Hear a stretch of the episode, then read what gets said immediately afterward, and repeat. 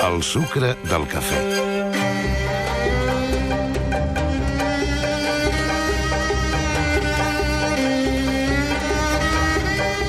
De manera recurrent, amb periodicitat, apareix la notícia d'una dona que ha mort a mans del seu company o excompany que després s'ha suïcidat. I de manera recurrent sempre hi ha algú que diu doncs ja s'hauria pogut suïcidar abans.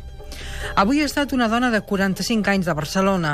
Segons tots els indicis, el seu exmarit li ha pagat un cop al cap amb un objecte que devia ser prou dur per matar-la. La policia n'ha trobat el cos. Després també ha trobat el cadàver de l'exmarit i una carta adreçada als fills de la parella.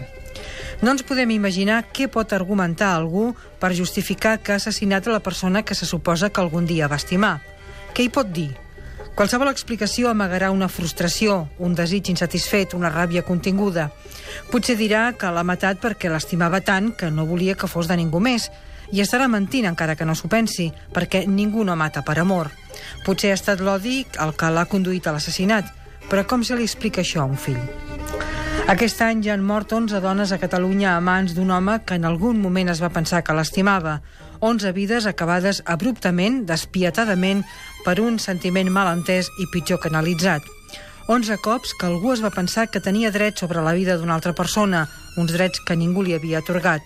11 vides que ja han convertit en quotidianitat i que apenes es mereixen 4 línies en un diari i 15 segons a la ràdio. Va per elles.